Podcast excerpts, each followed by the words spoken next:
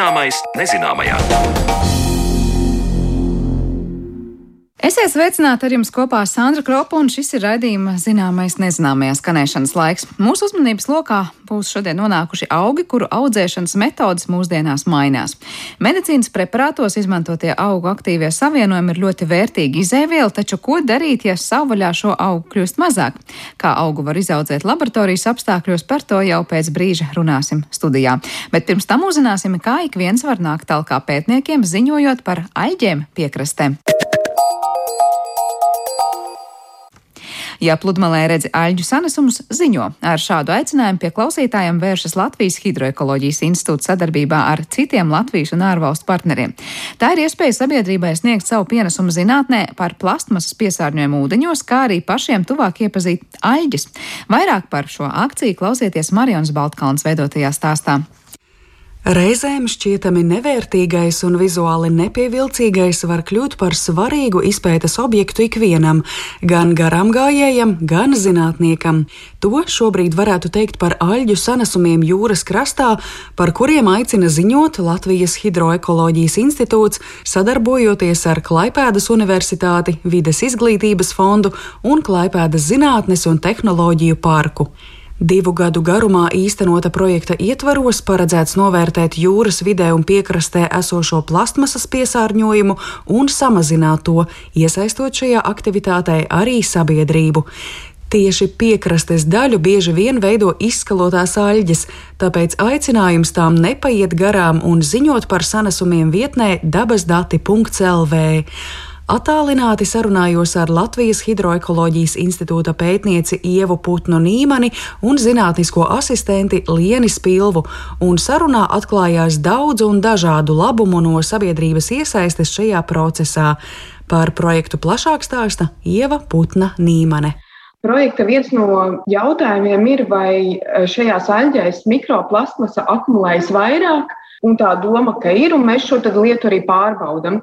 Tādēļ arī šis uzsaukums, jo ar aļģiem ir kā ar bitēm. Jo mums bija gadījumi, ka mēs sadarbībā ar mana jūra aktivitāti, ka viņi iet gar piekrasti, viņi redz, kā aļģis ir. Mēs aizbraucam uz turieniem nākamajā dienā, un viņas jau ir aiznestas projām. Līdz ar to mums radās ideja, ka mēs varētu kaut kā ar sabiedrības palīdzību identificēt tās vietas, kur vairāk akumulējas, kā arī izglītot eh, par eh, mūsu jūras eh, daudzveidību. Patiesībā šādu iniciatīvu ir ne tikai Latvijas pusē, bet arī Lietuvas pusē. Bet Lietuvā tas mērķis ir mazliet cits. Tur vairāk tiek uzdots, vai šīs āļģes kaut kādā veidā traucē vai netraucē, arī cik daudz un kurās vietās. Bet uh, tas ir tāds tā tālāk ejoša aktivitāte ar domu, ka mēs arī šīs aļģes varbūt turpmāk varētu kaut kur izmantot, apsaimniekot sanesumus, kas daļai jau tiek darīts. Tad, nu, jā, šis te uzsaukums. Tad sanāk tā, ka ja mēs tajās aļģēs kaut ko krastā atrodam, piemēram, to plastmasu, tas norādītu to, ka jūra ir pamatīgi piesārņota. Tā to vienkārši varētu skaidrot, un ka tas viss sakrājas aļģēs un nonāk krastā. Šobrīd jau ir publicēti pētījumi, ka jau mums nu, mikroplasmas daudzums Baltijas jūrā, protams, ir. Bet vairāk tā doma, ka, ja šīs āķis tiek nestas, vai tas nav tāds tā dabiskais filtrs, kurš savā ziņā akumulē viņas, un ja mēs viņu apsaimniekojam vai nu, šīs āļas savācam, tad mēs izvācam arī daļai to mikroplasmasu. Tāda tā ideja vairāk ir. Nu jā, un te jau iezīmējās viena lieta, ka cilvēku iesaist ir nepieciešama, lai to pagūtu operatīvi izdarīt. Ja? Jo ar aļģiem ir tā kā ar bitēm, vienu dienu ir, vienu dienu nav. Es jūtu, ka tas droši vien arī bija viens no iemesliem, kāpēc jūs šo iniciatīvu uzsākāt. Liena tā to var komentēt. Jā, pilnīgi noteikti tas ir viens no iemesliem, kāpēc mēs eh, aicinām cilvēkus ziņot. Jo tas mums dod neatsveramu informāciju par to, kur aļģis ir, kurā datumā. Mēs varam vēl paskatīties arī, piemēram, kāds vējš ir pūtis tajā brīdī, kad ir ziņots par to. Tā ir vienkārši ļoti svarīga informācija mums, lai mēs varētu veikt šo paraugu ievākšanu un tālāk analizēšanu. Līcis, atklāta jūra ir vienalga, no kurienes cilvēks ziņo, ja viņš ir kaut ko ieraudzījis, un kā vispār vizuāli būtu jāizskatās tam, par ko cilvēkam ir jāziņo. Nu, piemēram, es rīt arī aizbraukšu tur uz mm. Rīgas jūrmalu pastaigāties, ja, kur arī bieži vien visu kaut ko izskalo un kaut kādu čupiņu tur ieraugu, vai ar to ir gana. Mēs vairāk koncentrējamies, lai būtu sanesuma josla, varbūt mazāk atsevišķas tur aļģes izskalotas, bet eh, tieši lai veidos šī josla, mēs ņemam paraugus no apmēram 40 eh, kvadrātmetru liela laukuma, un tad uh, mums būtu svarīgi pietiekams aļģu daudzums, lai būtu izskalots. Jā. Es varu papildināt, ja jūs paskatīsieties šo uzsaukumu, tur ir uh, skaisti fotoattēli. Es domāju, ka tas mm. arī ilustratīvi parādīs, nu, kādam būtu jāizskatās. Un mēs koncentrējamies patiesībā projekta ietvaros tieši uz atklāto Baltijas jūras daļu un Latvijas piekrastē. Bet uh, ziņot var no visām, gan no līča, gan no atklātās. Jo arī turpmāk skatoties, uh, tā jau nav tikai Baltijas jūras atklātā daļa, kur šīs ēdas tiek izskalotas. Un, ja mēs vēlamies izvērst tālākus pētījumus par šo aļģu apsaimniekošanu un tālāk izmantošanu, Tas būtiski būtu arī e, Rīgas līcī. Jā, es tieši vēlreiz apskatīju to publikāciju dabasdatos.lv. Nu, man tas uzreiz atgādina tos brīžus, kad tu ej peldēties un tu reāli nonāc jūrā nu, vai līcī, tad, kad tu esi izbridis cauri tādai veselai joslai ar kaut ko, kurā tev negribas peldēties. Ja? Nu, aptuveni tas ir kaut kas tāds, par ko cilvēkiem vajadzētu ziņot ūdenī un arī piekrastē. Ja? Jā, tas ir tas, ko mēs meklējam. mm. Kā ir tālāk šis praktiskais uh, process, uh, kas cilvēkam būtu jādara? Viņam ir jānofotografē, tas kaut kur jānosūta, kas ir jāpieraksta klāt šīs praktiskās lietas, ja klausītāji tiešām grib iesaistīties un palīdzēt jums. Tātad, jā, ziņot var dabas datos, gan uh, izmantojot mobilo aplikāciju, gan arī caur uh, internetu pārlūku. Un tā ziņošana ir diezgan vienkārša, jo dabas dati ir arī uztaisījuši tādu informatīvu sadaļu, kā pievienot novērojumus. Un tas galvenais, ko mēs vēlētos no iedzīvotājiem sagaidīt, būtu šī lokācija sanesumiem. Un ļoti vēlams būtu pievienot attēlu, jo pat ja tas ziņotājs nevar noteikt sugas vai nevar noteikt to kvadrātmetru daudzumu aļģu sanesumiem, mums jau tas attēls pasaka pats daudz priekšā. Un, uh, mēs tās sugas arī paši pēc tam precīzi noteiksim. Bet tajā uzsaukumā sugas ir vairāk informatīvi, lai iedzīvotāji vispār iepazītos, kādas tad uh, makrofītiskās aļģu sugas mums ir Latvijā, Baltijas jūrā. À, tad te es saklausu vēl vienu labu lietu. Tas ir ne tikai stāsts par piesārņojumu, bet tas ir arī cilvēkiem iepazīšanās ar aļģu sugām. jā, pilnīgi noteikti. Jā. Ko es gribēju vēl papildināt arī par šīm sugām, ir uh, raksturīgi, ka uh, lielai daļai augu, kas aug uz zemes, ir latviešu nosaukumi. Savukārt jūrā esošajiem organismiem, arī šīm makrofīta aļģēm, viņām nav latviešu nosaukumi. Un tad mēs arī vērsāmies attiecīgajās instancēs un lūdzam izskatīt, uh, lai izveidot šos latviešu nosaukumus makrofīta aļģēm, kas iepriekš nekad nav darīts tā, tā kā visām. Un uh, tad mēs gaidām uh, nu, komisijas, kā viņi rīkosies. Viņi meklē speciālistus, kas palīdzētu izveidot šos latviskos nosaukumus. Bet mēs jau savus esam iesnieguši, kā mums šķiet, pareizāk vai precīzāk, Liena diezgan daudz laika veltīja, lai atrastu potenciālos nosaukumus. Jā, tātad uh, tikai atsevišķām makrofītu aļģu sugām ir latviskie nosaukumi, un tām, kurām nebija, es vēlējos šim uzsaukumam izveidot, lai cilvēkiem būtu vieglāk saprast, uh, kādas tieši aļģes tur ir. Jo pēc latīniskiem nosaukumiem bieži vien cilvēkam, kas nav hidrobiologs, varbūt būs bišķiņ grūtāk. Un tad jā, es uh, skatījos vienkārši latīnisko nosaukumu izcelsmi un uh, mēģināju pati tur izdomāt, kāds tur būtu piemērotāks tas uh, latviskais nosaukums. Tas bija diezgan radošs process priekš manis. Tātad es arī izveidoju tādu biežāk sastopamo makrofītisko aļģu sugu noteicēju, kas ir arī atrodams dabas datos pie mūsu uzsaukuma. Un, uh, tur ir pievienoti attēli un apraksti biežāk sastopamajām aļģu sugām. Ja cilvēks pamanā šos aļģu sanesumus pludmalē, un uh, tur viņi nav jau ļoti sadalījušies, un ir iespējams izšķirt dažādas sugas, var uh, tātad kaut vai telefonā atvērt šo noteicēju un uh, skatīties pēc pazīmēm, ko es tur esmu norādījusi katrai sugai, un uh, mēģināt tātad izšķirt šo dominējošo sugu vēlētos, lai ziņot par dominējošo, bet piezīmēs var, piemēram, norādīt arī pārējās, kuras var atpazīt. Nu, tad var arī norādīt to, kas tur vēl ir iekšā, ja sakrājies attiecīgi jā, kaut nu, kādi atkritumi. Noteikti var piezīmēs to norādīt, jā. Par sabiedrības pusi būtu skaidrs, proti, ziņošana par aļģu sanesumiem ir sabiedrības līdzdalība zinātniskos pētījumos un iespēja plašāk iepazīties ar aļģu sugām. Bet kas būtu tālākie soļi, ko no savas puses veiktu pētnieki, skaidro Ieva Putna Nīmane.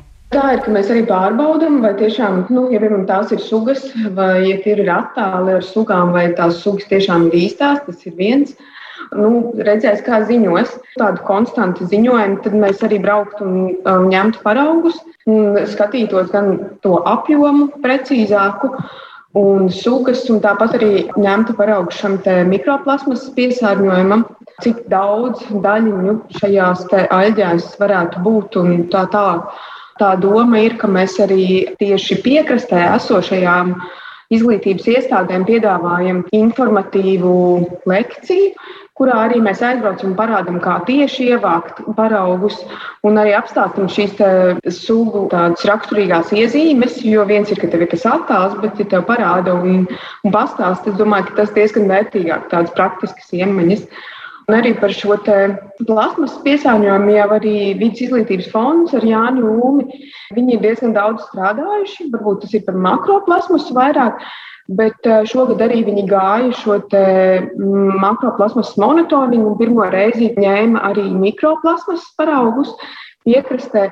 Tas arī šī projekta ietvaros, kad eh, mēs noteiksim potenciālo mikroplasmas daudzumu tieši piekrastes miltīs. Un uh, tad jau skatīsies, cik tālu mēs tiksim ar šo informācijas apmaiņu un ziņošanu. Vienmēr ja to ziņošanu ir tā, ka, ja, piemēram, mēs aizbraucam kaut kur uz liepāju, un uh, pastāstam vairāk par šīm aļģēm. Cilvēki varbūt ir vairāk uh, informēti, tad viņi arī ziņo vairāk. Un tas nav tas rādītājs, varbūt mazliet. Bet uh, arī tajās vietās, varbūt, kur ir pilsētas, tur arī ziņotu vairāk, nevis tur, kur viņu nav. Bet tik un tā šī informācija, ja tiek ziņota, es domāju, tas ir vērtīgi. Nu, jā, mēs droši vien pievērstu arī vairāk uzmanību tām vietām, kur vairāk ziņotu. Patiesībā, ko tu minēji arī Marijāna, kad gribi iet peldēties un jābrien cauri šīm aļģēm. Mēs paralēli gan plasmas, gan aļģu pētījumiem pievēršam uzmanību arī fekālajam piesārņojumam aļģēs un potenciāliem mikroorganismiem, kas varētu savairoties un kaut kādā veidā kaitēt cilvēku veselībai. Un šobrīd jau pētījuma rezultāti rāda, jā, ka tas fekālais piesārņojums aļģēs ir stipri vairāk. Jo mūsuprāt, gan tur ir dažādi putni, kas parojas un arī attiecīgi nokārtojas. Tā kā jāņem tas vērā, nu, nav patīkami. Projekts turpinās līdz 2022. gadam, tāpēc cilvēki ir aicināti īpaši aktīvi par aļģu sanesumiem ziņot līdz tam. Taču dati zinātniekiem noderēs arī turpmākajos pētījumos, tāpēc ziņot var sanesumiem vietnē dabasdati.lv noteikti var arī pēc 2022. gada sākuma. Ar Latvijas Hidroekoloģijas institūta zinātnisko asistentu Lienu Spilvu un pētnieci Ievputnu Nīmani attālināt sarunājās mana kolēģi Mariona Baltkalna. Bet raidījuma turpinājumā no aļģiem pārējām pie augiem, kas savu dzīvi savvaļā varētu nākotnē nomainīt pret dzīvi laboratorijā. Música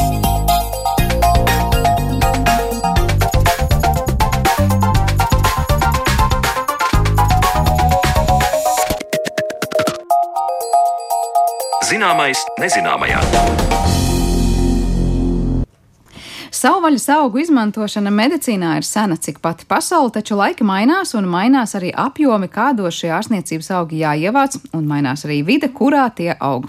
Lai nenonāktu situācijā, kad aktīvās ārstniecības augu vielas nav pieejamas, pētnieki radījuši risinājumu šo augu audzēšanai laboratorijas apstākļos.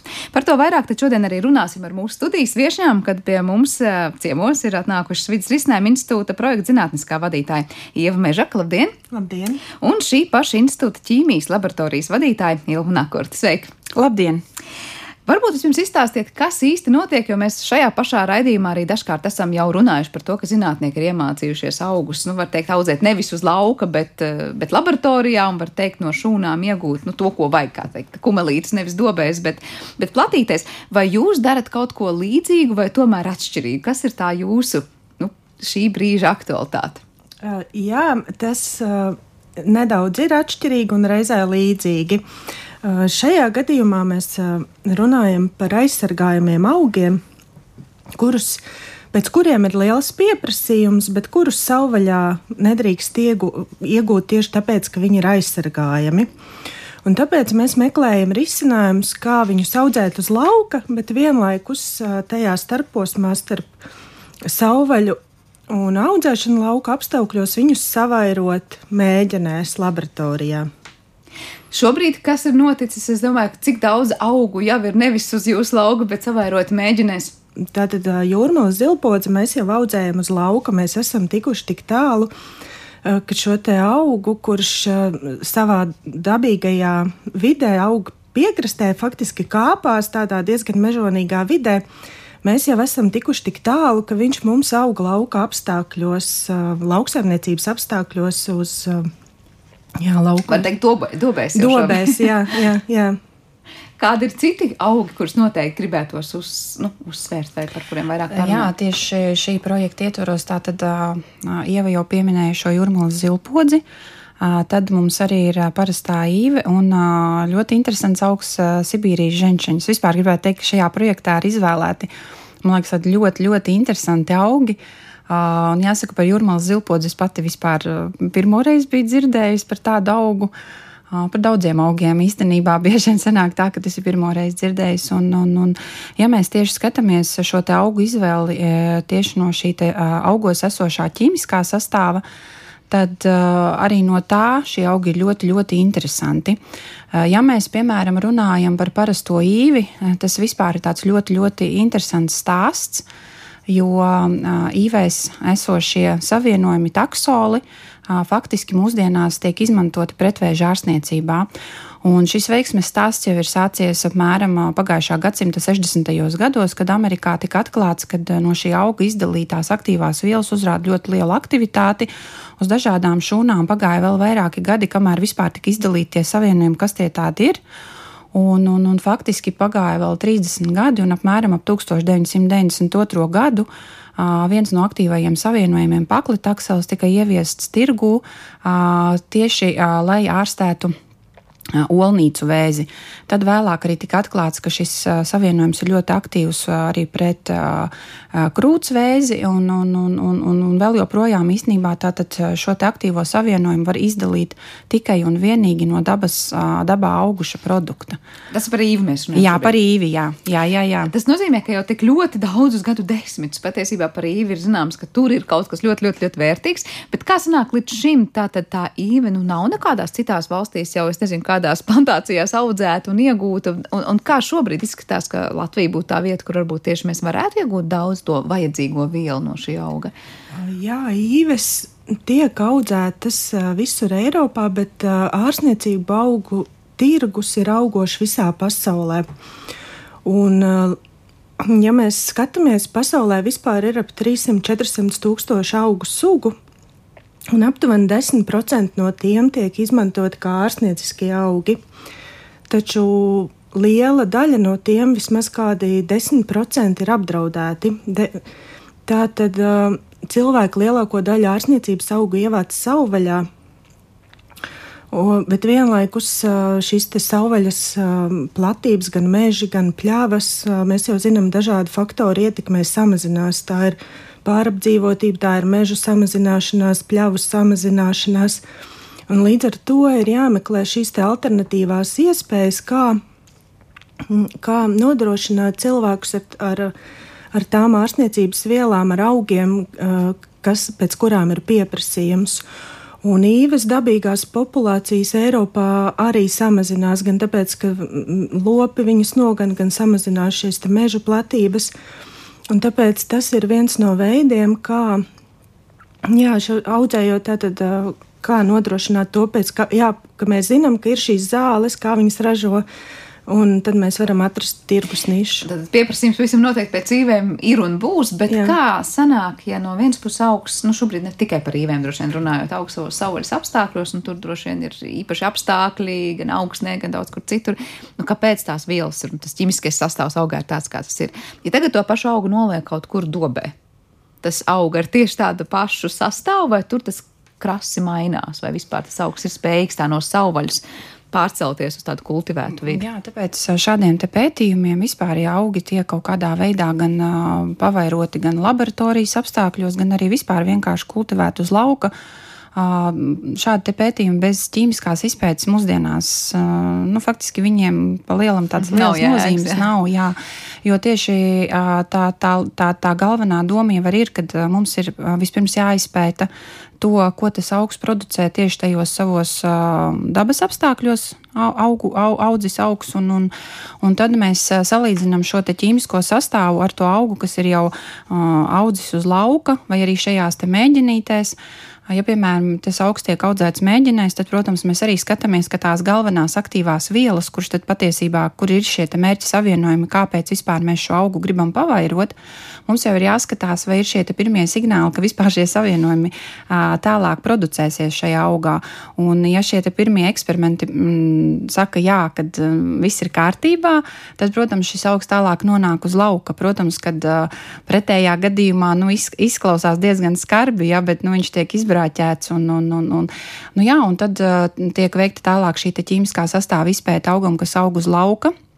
Un, protams, ka tam ir ļoti liela nozīme, jo, protams, viena lieta ir tas, ka mēs varam šos augus ļoti daudz audzēt un saražot šo biomasu, bet otrs jautājums, vai šī biomasa būs vērtīga, ja, vai, vai tieši, jo tomēr galvenokārt lielākie rādītāji ir šie aktīvie savienojumi. Un, protams, kā jūs jau ļoti pareizi iezīmējāt, kad bieži vien viņi mainās. Ja, kā nu, augs ir audzis, piemēram, savvaļā, un kad viņš tiek kultivēts. Kas ir tās lietas, kas augā mainās? Tas ir kaut kāda koncentrācija, vai ir kaut kāda savienojuma, kas vispār neveidojas, un kāpēc? Varbūt, cik daudz jums ir zināms jau par tām izmaiņām? Tad, tad jebkuram augam tas viņa sastāvs ir atkarīgs no diviem galvenajiem faktoriem. Viens ir vide, tas ir laikapstākļi, augsne, un citi tādi faktori. Un otrs, svarīg, otra svarīgā lieta ir ģenētiskā ģenētiskās īpašības. Un tieši audzējot lauka apstākļos no dažādām vietām iegūtus augus, no dažādām populācijām, audzējot viņus vienādos apstākļos, mēs varam noteikt, vai tās bija tiešām vides ietekme, vai tā ir šī auga ģenētika. Un tad mēs varam izvēlēties tālākai audzēšanai tos augus, kuriem tiešām ir piemērotākais sastāvs pēc tirgus prasībām. Bet kā šobrīd izskatās, piemēram, nu, ja mēs skatāmies šos trīs augus, ja jūs nosauktos zilpo dzīvi un ženšaņu, uh, ir lielas izmaiņas tajā, vai jums jau ir rezultāti gatavi, kas notiek tad, kad tas augs ir uzaudzēts um, nu, var teikt, tādos mākslīgos apstākļos, nu, tā kā ierīkotos apstākļos. Jā, te varētu minēt piemēru tieši par jūrmālas zilpodzi, uh, jo viņa mums tā uh, vis, vis, vis, visātrāk pieņēma šos apstākļus uz lauka. Tad, kad viņa tika ievākta, mums arī laboratorijā bija ļoti liels pārsteigums, cik, cik ļoti ātrā laikā no tām mazajām saknītēm, kas tiešām bija kā diedziņa mēģinītēs, izauga tādas brangas saknes. Un, Un, uh, mēs īstenībā bijām uh, ļoti patīkami pārsteigti, kad uh, šim te augam tās aktīvās vielas, tīpaši ēteriskās eļļas, bija producējušās krietni vairāk. Bet to jau var diezgan viegli izskaidrot, jo savvaļā augam ir ļoti daudz citi stresa apstākļi. Viņam ir jācīnās gan pret dažādiem kukaiņu uzbrukumiem, gan pret zālēdāju uzbrukumiem. Nu, un uz lauka jau tas audziņš pārstādīts, mēs jau viņu aprūpējam, apčubinam. Un, nu, tas jau tāpat arī kā dzīvam cilvēkam, jā, jo mums šie apstākļi ļoti labvēlīgi, tas ļauj mums labāk attīstīties, un šie pirmie rezultāti tiešām ir ļoti, ļoti pozitīvi. Protams, ir jāskatās viena gada griezumā, to vēl nevar izvērtēt, jāskatās ir garāku gadu griezumā, bet tieši tie aktīvie savienojumi, uz ko mēs esam vairāk mērķējušies, tie ir parādījuši mums ļoti labus. Tas sanāk, ka pat ir vēl vairāk nekā savvaļā augušajos augļos. Uh, šobrīd, pē, veicot šo izpēti, jā, jā, to var pateikt viennozīmīgi, ka viņi ir vairāk lielākās koncentrācijās, kas arī patiesībā ir tas galvenais mērķis, jā, jo tālāk jau, kā es teicu, mēs koncentrējamies. Bet nākošais uzdevums, kas laboratorijā ir jāveic, ne tikai tas, ka mēs nosakam, cik daudz, bet mums jau ir jāveic arī kaut kādi pirmie eksperimenti uz to, cik tās aktīvās vielas ir spēcīgas vai aktīvas. Ja, tad, tad paskatīties viņu aktivitāti, vai, vai viņas darbojās tā, kā viņām būtu jādarbojās, jo tas ir atkal nākošais stāsts. Ja viens ir tas, ka mēs varam saražot šīs aktīvās vielas, bet vai viņas tālāk būs vērtīgas un vai viņas būs spējīgas cīnīties ar dažādiem šiem faktoriem, tā, tā loma, jo katram augam, katram savienojumam ir šī loma kaut kāda, ko viņš nes. Un, un, un tad nākošais ir solis jau, jau šī izpēte. Bet kāds ir tas jūsu tālākais plāns šobrīd? Tātad, nu, cik jums kur aug un kas ir plānots tuvākajos gados vai gadā? Kā, kā tas tālāk mainīsies un attīstīsies? Pēc pirmā soļa mēs esam iemācījušies pašus, pašus pirmos solīšus, kā viņus audzēt lauka apstākļos. Tad, protams, tālākajā gaitā mm, ir šīs agronomiskie pasākumi, kurus var veikt kāda ir, kad, kad vislabāk stādīt, kad vislabāk novākt. Ir arī Jo arī sezonas laikā šis aktīvo vielu saturs var mainīties. Tātad mēs pārējām no mēģinēm līdz tam, kā komerciāli vislabāk ir augus audzēt. Un tas ir ārkārtīgi liels nezināmais, jo mēs, mēs nestrādājam ar augiem, kurus ir pierasts audzēt kā kvieši vai kukurūza, kur jau ir daudzu gadu, desmitu un simtu pieredze par to, kā viņus audzēt. Mēs strādājam ar augiem, kuri kuri ir diezgan mežonīgi un ir ārkārtīgi daudz nezināmo. Kāds piebilst par to, kādas izskatās tuvāko nākotnes plāni? Jo. Uh, nu jā, ķīmiķiem jau ir tā, ka, uh, kā es parasti saku, ka, uh, ja nav šī objekta, ko pētīt, tad ķīmiķiem pa lielam nav, nav šī darbiņā. Nu, es īstenībā skatos diezgan cerīgi šobrīd vispār uz, uz, uz šiem konkrēti trim augiem, kas ir izvēlēti projektā, jo mēs esam veiksmīgi arī iemācījušies šīs aktīvās vielas izdalīt no viņiem ārā. Tātad mēs jau zinām šos konkrētos mērķu savienojumus. Un, eh, nu, man šeit ir jāsaka, ka uh, tas ir tāds milzīgs komandas darbs. Šodien mēs studijā esam tikai divas. Bet uh, man liekas, ka mums šo gadu gaitā institūtā ir izstrādājusies fantastiska sadarbība, kur katrā posmā mēs viens otram ļoti uzticamies. Un, ja jūs man prasat par prognozēm, tad es varu pateikt, ka es pilnībā uzticos agronomu meitenēm. Un es domāju, ka viņas izdarīs uh, maksimāli labāk, un uh, es domāju, ka tur tikai būs ļoti labi rezultāti. Par to komandu runājot, kāda ir šī komanda? Nu, ķīmiķi un agronomi pavisam noteikti ir klātesoši, bet kāda ir tā sadarbība un kāda vēl nu, disciplīna pārstāvja ir jūsu projektā, komandā? Šajā komandā mēs strādājam biologi, agronomi un ķīmiķi. Un tiešām tas mums dod iespēju uz to augu paskatīties no 360 grādu leņķa um, un izvērtēt uh, visas iespējamās lietas, lai mēs tiešām varētu līdz uzņēmējiem novest jau gatavas tehnoloģijas. Un jā, šajā gadījumā mēs sadarbojamies ar uh, Sija Field and Forest, kas ir li Baltijā lielākais ārsniecības augu ražotājs un kam tiešām ir interese uh, šīs zināšanas pielietot praksē. Bet tas, ko, piemēram, pēc tam uh, ražotājs saņem, nu, es tagad iedomājos kaut kādus tur kumulītas kliņķerītes, tad konkrētie ziedi. Ja?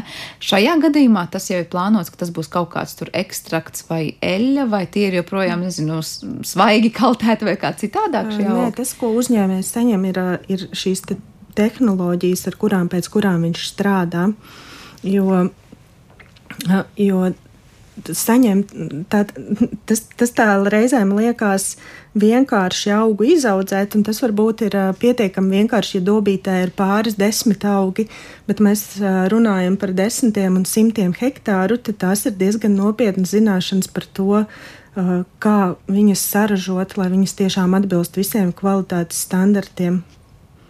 Jūs nosaucāt šos trīs augus, vai ir nākamie, kas ir padomā vai rindā stāv, kurus tur pētīt un tālāk atkal līdzīgi skatīt, kādas ir šīs mm. vielas un cik vajadzīgi būtu tos pārnest arī uz laboratorijas apstākļu audzēšanu? Nu, mūsu pētījumu portfelī šobrīd ir jau daudzi citi augi. Mēs, mēs strādājam arī pie deviņiem pavasara augiem, kuri tieši ļauj izmantot audzēšanas sezonu ilgāk, nevis ievācot tipiskās, nu, tādas varbūt plašāk audzētās kumelītes vai piparmētras, bet arī pie tādiem interesantiem pavasarī ziedošiem augiem kā gaļbiksītes vai mm, madaras. Tāpat arī, arī vairāk aizsargājumi, kā silpurene. Jā, jā. Kas no ķīmijas varbūt puses skatoties, liekas tāds visinteresantākais vai daudz sološākais augs, no kura vēl sagaidīt kaut ko ļoti, ļoti vērtīgu? Ja mēs tieši par šo projektu runājam vai par daudziem citiem.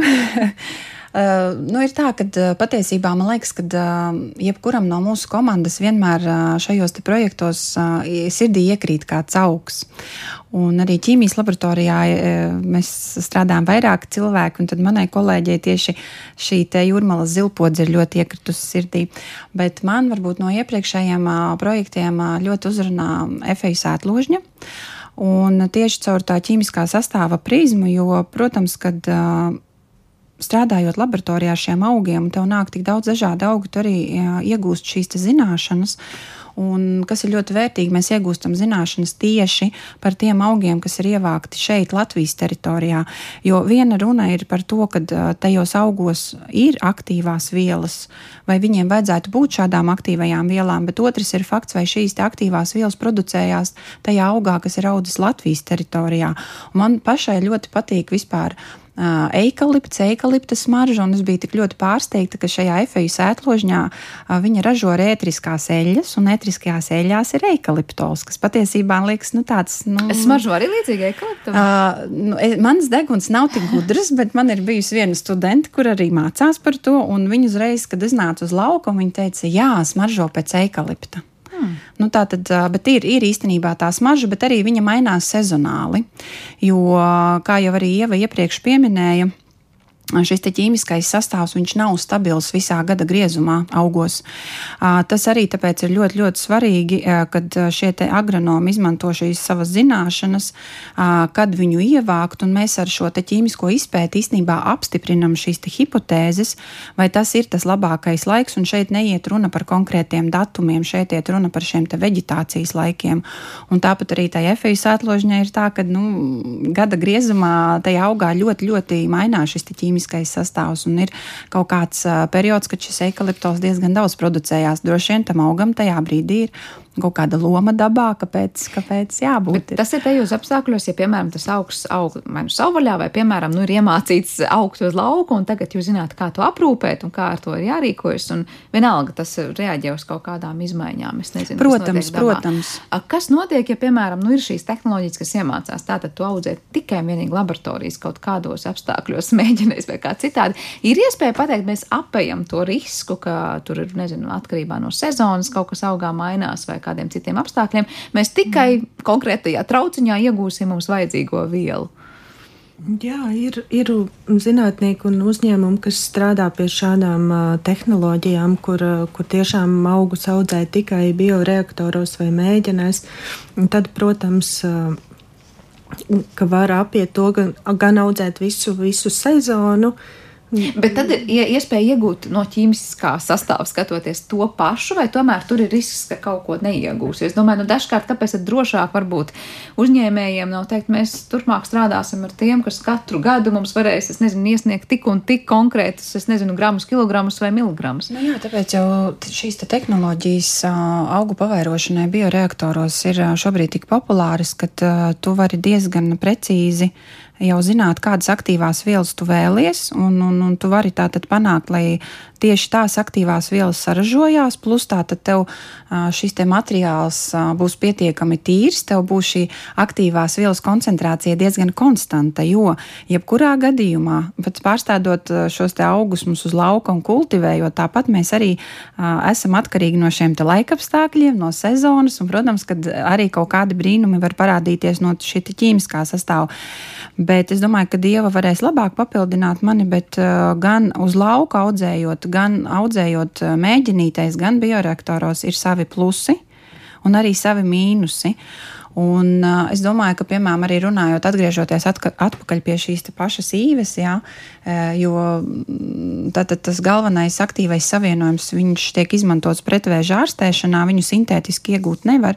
Es domāju, ka saudzēt tik daudz, cik ir nepieciešams priekš farmācijas, tātad šīs te nozares, bioreaktoros, nu, es nezinu. Tad, tad būs par maz. Ja? Droši vien, jā. Tad līdz ar to es domāju, ka tieši šī kultivēšana uz lauka, un tur droši vien atkal ir jāprasa varbūt uzņēmu, uzņēmējiem šie jautājumi, kur, kur ir tā robeža, cik tālu mēs varam iet ar šiem bioreaktoriem, ar šīm visām riskiem un izmaksām, un cik tālu mēs varam iet kultivēšanai savvaļā. Protams, vēl viens aspekts ir tas, ka tieši pārtikā, jeb tēņās izmantojamie augi, pēc tiem jau ir. Tos cilvēks vēlas audzēt uz bioloģiskos apstākļos, bez pesticīdu atliekvielām un, un vēl pēc ļoti daudziem kritērijiem. Un tā ir tā mūsu Latvijas īpašā niša, ka mēs šeit, kur mūsu tīrajā zemē, varam to uz, izaudzēt tā, ka ja tā šis uzņēmums, ar kur mēs sadarbojamies, viņi tiešām gandrīz lielāko daļu savas produkcijas eksportē.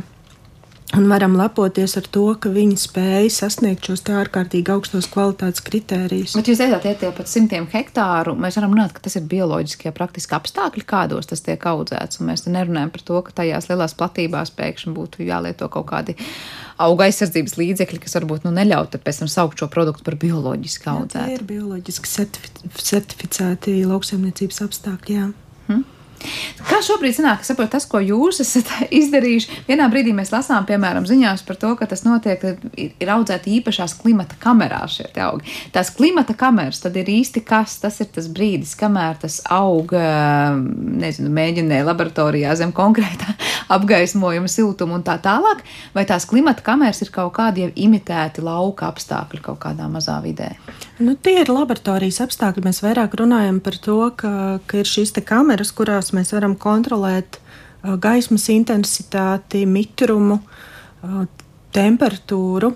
Bet tajā brīdī augsts ir pavisam maziņš vēl, vai tas jā, ir? Uh... Jā, jā, jo ši, šajās, lai pavairotu augu lielos apjomos, un tādam izmē, izmēģinājumu uz hektāru vajag pat uh, desmitiem tūkstošus tādus uz hektāra. Uh, Un pavairojot augus mēģinēs, nu, principā, ja katru mēnesī katru augu var sadalīt uh, piecos dzinumos, no kura atkal pēc mēneša var iegūt piecus augus, tad mēs jau vairāku mēnešu laikā varam iegūt uh, miljoniem augu. Bet, lai viņi izaugtu mēģinājumos, tad viņiem vajag radīt šos īpašos apstākļus, kuri ir labvēlīgi tieši šādu augu audzēšanai. Mm, tātad speciālas barotnes, aseptiski apstākļi, nu, un tad, protams, viņiem ideālie temperatūras un citi režīmi. Bet kas notiek pēc tam, kad tādos ideālos apstākļos audzes augsts tiek uzlikts uz tā kaut vai lauka, kas nav gluži savvaļā kaut kur, jā, kad es nezinu, kas to ietekmēs, bet, nu, jūs apmēram skatāties, kas, kādi apstākļi tur ir. Saskara šis augsts ar tādu, nu, sajūtu, ka izmests no siltumnīcas. Jā, viņam noteikti ir sākumā stress, un tāpēc mēs arī pakāpeniski to mēģinam darīt, viņi, viņi tiek adaptēti au, augšanai um, ārpus mēģinas, jo faktiski mēģinē viņiem ir uh, šie ideālie apstākļi, viņam barotnē ir iedoti gan ogļhidrāti, gan visi minerāli elementi, makroelementi. Uh, uh, vitamīni, aminoskābes varbūt. Un tad, kad viņš nonāk šajos augsnes apstākļos, tad, protams, ka viņam ir vajadzīgs posms, lai, lai adaptētos, lai pielāgotos, lai viņš pats sāktu fotosintezēt, nevis iegūt ogļhidrātus no barotnēm un, un tā tālāk. Tā kā izmetat lielajā dzīvē šo savu lielajā dzīvē. Bija kas piebilstams vēl? Nē, es tā vienkārši iedomājos, ka tas tāpat kā bērni palaist uz bērnu dārzu. Stresa pilns laiks visiem. Jā, jā, visiem, visiem. Bet kā ir ar dažādām, piemēram, nu, tām infekciju riskiem, piemēram, tam augam tajā brīdī, kad viņš ir palaists tajā, var teikt, savā lielajā dzīvē, Kā jūs varat nodrošināt vai nokontrolēt? Es nezinu, ka tur neuzglūna kāda saslimšana vai kāds kaitēklis neuzrodās un kaut ko neatnes vai neapgrauž. Nu, ja tā ir tāda bioloģiskos apstākļos, pēc tam arī kontrolēt tas, augšanu. Tas, protams, ir risks, bet nu, tāpēc ir jāievēro dažādi agrotehniskie pasākumi. Bet, nu, ja jebkurā gadījumā audzēšana uz lauka, tas tur nevar, nevar izslēgt dažādi šādus riskus. Bet, nu, protams, tāpēc ievēro augsta, kas neaudzē vienu un to pašu augu, piemēram, vairākus gadus tajā pašā vietā. Mm. Ilga pirms brīža minēja, ka tie ir augi vispār ir svarīgi, ka viņi ir arī ievākti Latvijā. Ja vai šajā gadījumā arī ženšeņas ir ievāktas Latvijā, vai tas ir sūtīts no kaut kurienes, un tad jūs vienkārši saņemat kaut kādas konkrētas sēklas, izējuma materiālus, no kā šos augus mēģinās. Jā, ja mēs runājam, te ir, protams, atšķirības starp šiem te ženšeņiem. Šajā projektā mēs pētam tieši Sibīrijas ženšeņu, kas vairāk ir kā krūms. Uh, bet jā, arī šādi augi mums ir uh, Latvijā sastopami, bet viņu arī, tātad, viņš arī ir mm, aizsargājams. Un būtībā tam tirgus pieprasījums vairāk ir pēc saknēm. Bet nu, tas nozīmē, ka mums būtu jādodas savvaļā jāpat šīs saknes. Jā. Sibīrijas ženšiņš tieši ja viņš ir cēlies, nu, kā jau nosaukums saka, priekšā no mm -hmm. Sibīrijas, no tuvajiem austrumiem. Uh, Un pēc, pēc ženšaņa kā tāda. Es nerunāju tikai par Sibīrijas, bet arī par parasto ženšiņu vai tā saucamo Indijas ženšiņu, as, as, asvagandu. Uh, ir ārkārtīgi liels pieprasījums. Ženšiņš vispār ir kā tāds ārstniecības augu karalis.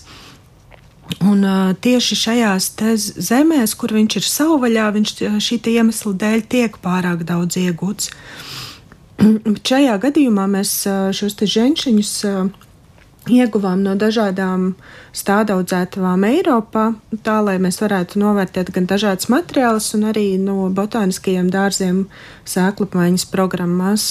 Tā kā jā, apējot, apējot to, ka mums būtu jāaiztiek savvaļa. Mm. Nu jā, un tad šim ievāktajam materiālam mēs arī tātad veicām šo ķīmiskā sastāvu izpēti, un, un, un mums bija Latvijas teritorijā arī, arī jā. ievāktās, jā, un, un tas bija pārsteigums, kad arī tās aktīvās vielas, kas ir uh, aprakstīts, ka viņas pārsvarā producējās saknēs, bet mēs arī atradām diezgan daudz lapās. Uh, Mēs arī šos lapu materiālus vācām, tas nozīmē, ka arī tā, tad, ja viņš pat ir pārstādīts, viņš vairs neaug šajā Sibīrijā, bet viņš ir pārstādīts Latvijas teritorijā, tad tomēr šīs aktīvās vielas producējās. Protams, šobrīd ir diezgan tā grūti spriest, vai viņas tiešām vairāk producējās vai pilnīgi tādos pašos koncentrāciju diapazonos. To mēs droši vien varēsim pateikt pēc ilgāka laika. Jā, tad daudz darāmā vēl jums ir. Bet vai ir kāds augsts, ko jūs uzskatāt, ka tieši tas, kas ir, nu, var teikt, Latvijas izcelsmes, kas varētu citiem pasaulē būt ļoti interesants ar to, kādas koncentrācijas varbūt ir pie mums vai kaut kāds interesants vielas vai savienojumi, ko jūs varbūt teikt. Nu, ilgi pirms brīža par to efēru runāju, bet uh, Vai ir kaut kas no mūsu Latvijas ārstniecības augiem, kam varētu būt ļoti liels pieprasījums citvietā pasaulē? Tas vairāk ir par to, ka mēs varam nodrošināt šos bioloģiskos audzēšanas apstākļus, pesticīdu brīvos augus. Tie ir tie mūsu īpašie audzēšanas apstākļi. Un a, tiek arī uzskatīts, ka Ziemeļvalstīs, kur mums tomēr tās dienas ir garas vasarā, ka šiem augiem ir īpašāks sastāvs. Bet viens no tādiem pārsteigumiem, kas, kas bija tieši pretēji, pētot Baldriānu, mēs saskārāmies ar to, ka Jā, baldriāņu saknes, kas Latvijā augušas, īstenībā neproducē šīs aktīvās vielas, kuras ir nodefinētas pat pēc Eiropas farmakopejas, kurām ir piedāvātas šīs īpašības, jā, kuras iedarbojas centrālo nervu sistēmu, bet savvaļā augušā baldriānī mēs neatradām šīs aktīvās vielas, bet tajā pat laikā baldriānī vēl joprojām lieto, tātad savvaļā ievākt un, un šie efekti tiek novēroti, tad atkal rodas jautājums, nu, kas tad dod šo efektu? Vai tiešām tieši tā, tās trīs konkrētās aktīvās vielas, kas ir nodefinētas, vai, vai tomēr tā ir jau sinerģija vai kaut kas cits? Es domāju, ka tur vēl ir ļoti, ļoti dziļi, kur rakt, bet jā, es piebiedrošos sievai, ka droši vien man arī nav tāds viens konkrēts augs, bet es tikai varu pateikt to, ka mēs ļoti varam lepoties ar to, kas mums Latvijā aug, ko mēs varam iegūt paši. Mēs vēl joprojām varam aiziet savvaļā un ievākt šos te ārstniecības augus un lietot uh, gan uzturā, gan, gan, gan tējās, uh, jebkādā veidā. Un uh, tiešām, cik mēs esam veikuši pētījumus tieši ar Latvijā augušiem augiem, kuri arī aprakstīti ir citās valstīs, tad tiešām arī tās ēteriskās eļļas mūsu augos producējas krietni vairāk, kas man pašai bija pārsteigums, jo man arī kaut kādas varbūt bija citas varbūt iedomas, bet un arī daudzas aktīvās vielas, kas ir aprakstītas varbūt grāmatās. Uh, kas varbūt ir teikts, ka viņas ir minorās koncentrācijās, mēs esam atraduši, ka mūsu augos ir ļoti lielās. Tas nāk tā, ka kaut kas Latvijā varbūt par baldriānu runājot bija pārsteigums, ka nav nemaz tā, kā, kā varbūt likās, bet savukārt mm -hmm. par citiem augiem, tur, kur citi saka, ka kaut kā ir maz, patiesībā Latvijā augušajos augos ir diezgan, diezgan daudz. Jā. Nu, jā, tas tikai liecina par to, ka ārstniecības auga, kā jau raidījuma sākumā es teicu, ir labi zinām un liekas sena prakse, bet mūsdienās tā iegūst pilnīgi citus vaipstus un var teikt ļoti, ļoti lielu zināšanu zināšanas tiek liktas lietā un tehnoloģijas tiek liktas lietā, lai no tiem tiešām dabūtu ārā kaut ko, kas ir ļoti, ļoti vērtīgs un izskatās, ka jau gadu desmitiem ilgi gaidīts un novērtēts. Teikšu jums abām lielu paldies par šo sarunu un atgādināšu klausītājiem, ka šajā pusstundā bijām kopā ar Vides risinājuma institūta projekta zinātnisko vadītāju Ilvu Mežaku un Čīpašu institūta ķīmijas laboratorijas vadītāju Ilvu Nakurti. Ar to arī raidījums ir izskanējis un par to parūpējās producenta Paula Gulbinska, Kristīna Delbija skaņu režijā par mūziku savukārt šai stundai gāja Girds Bišs, bet ar jums kopā viesis Sandra Kropa. Uz tikšanos!